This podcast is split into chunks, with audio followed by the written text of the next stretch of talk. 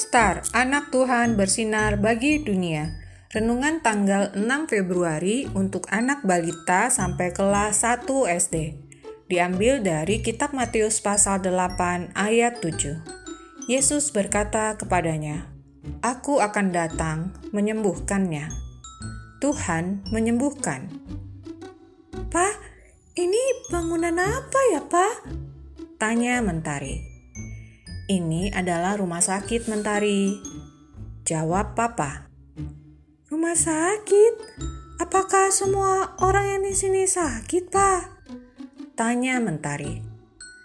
Betul, mereka sakit dan harus dirawat inap.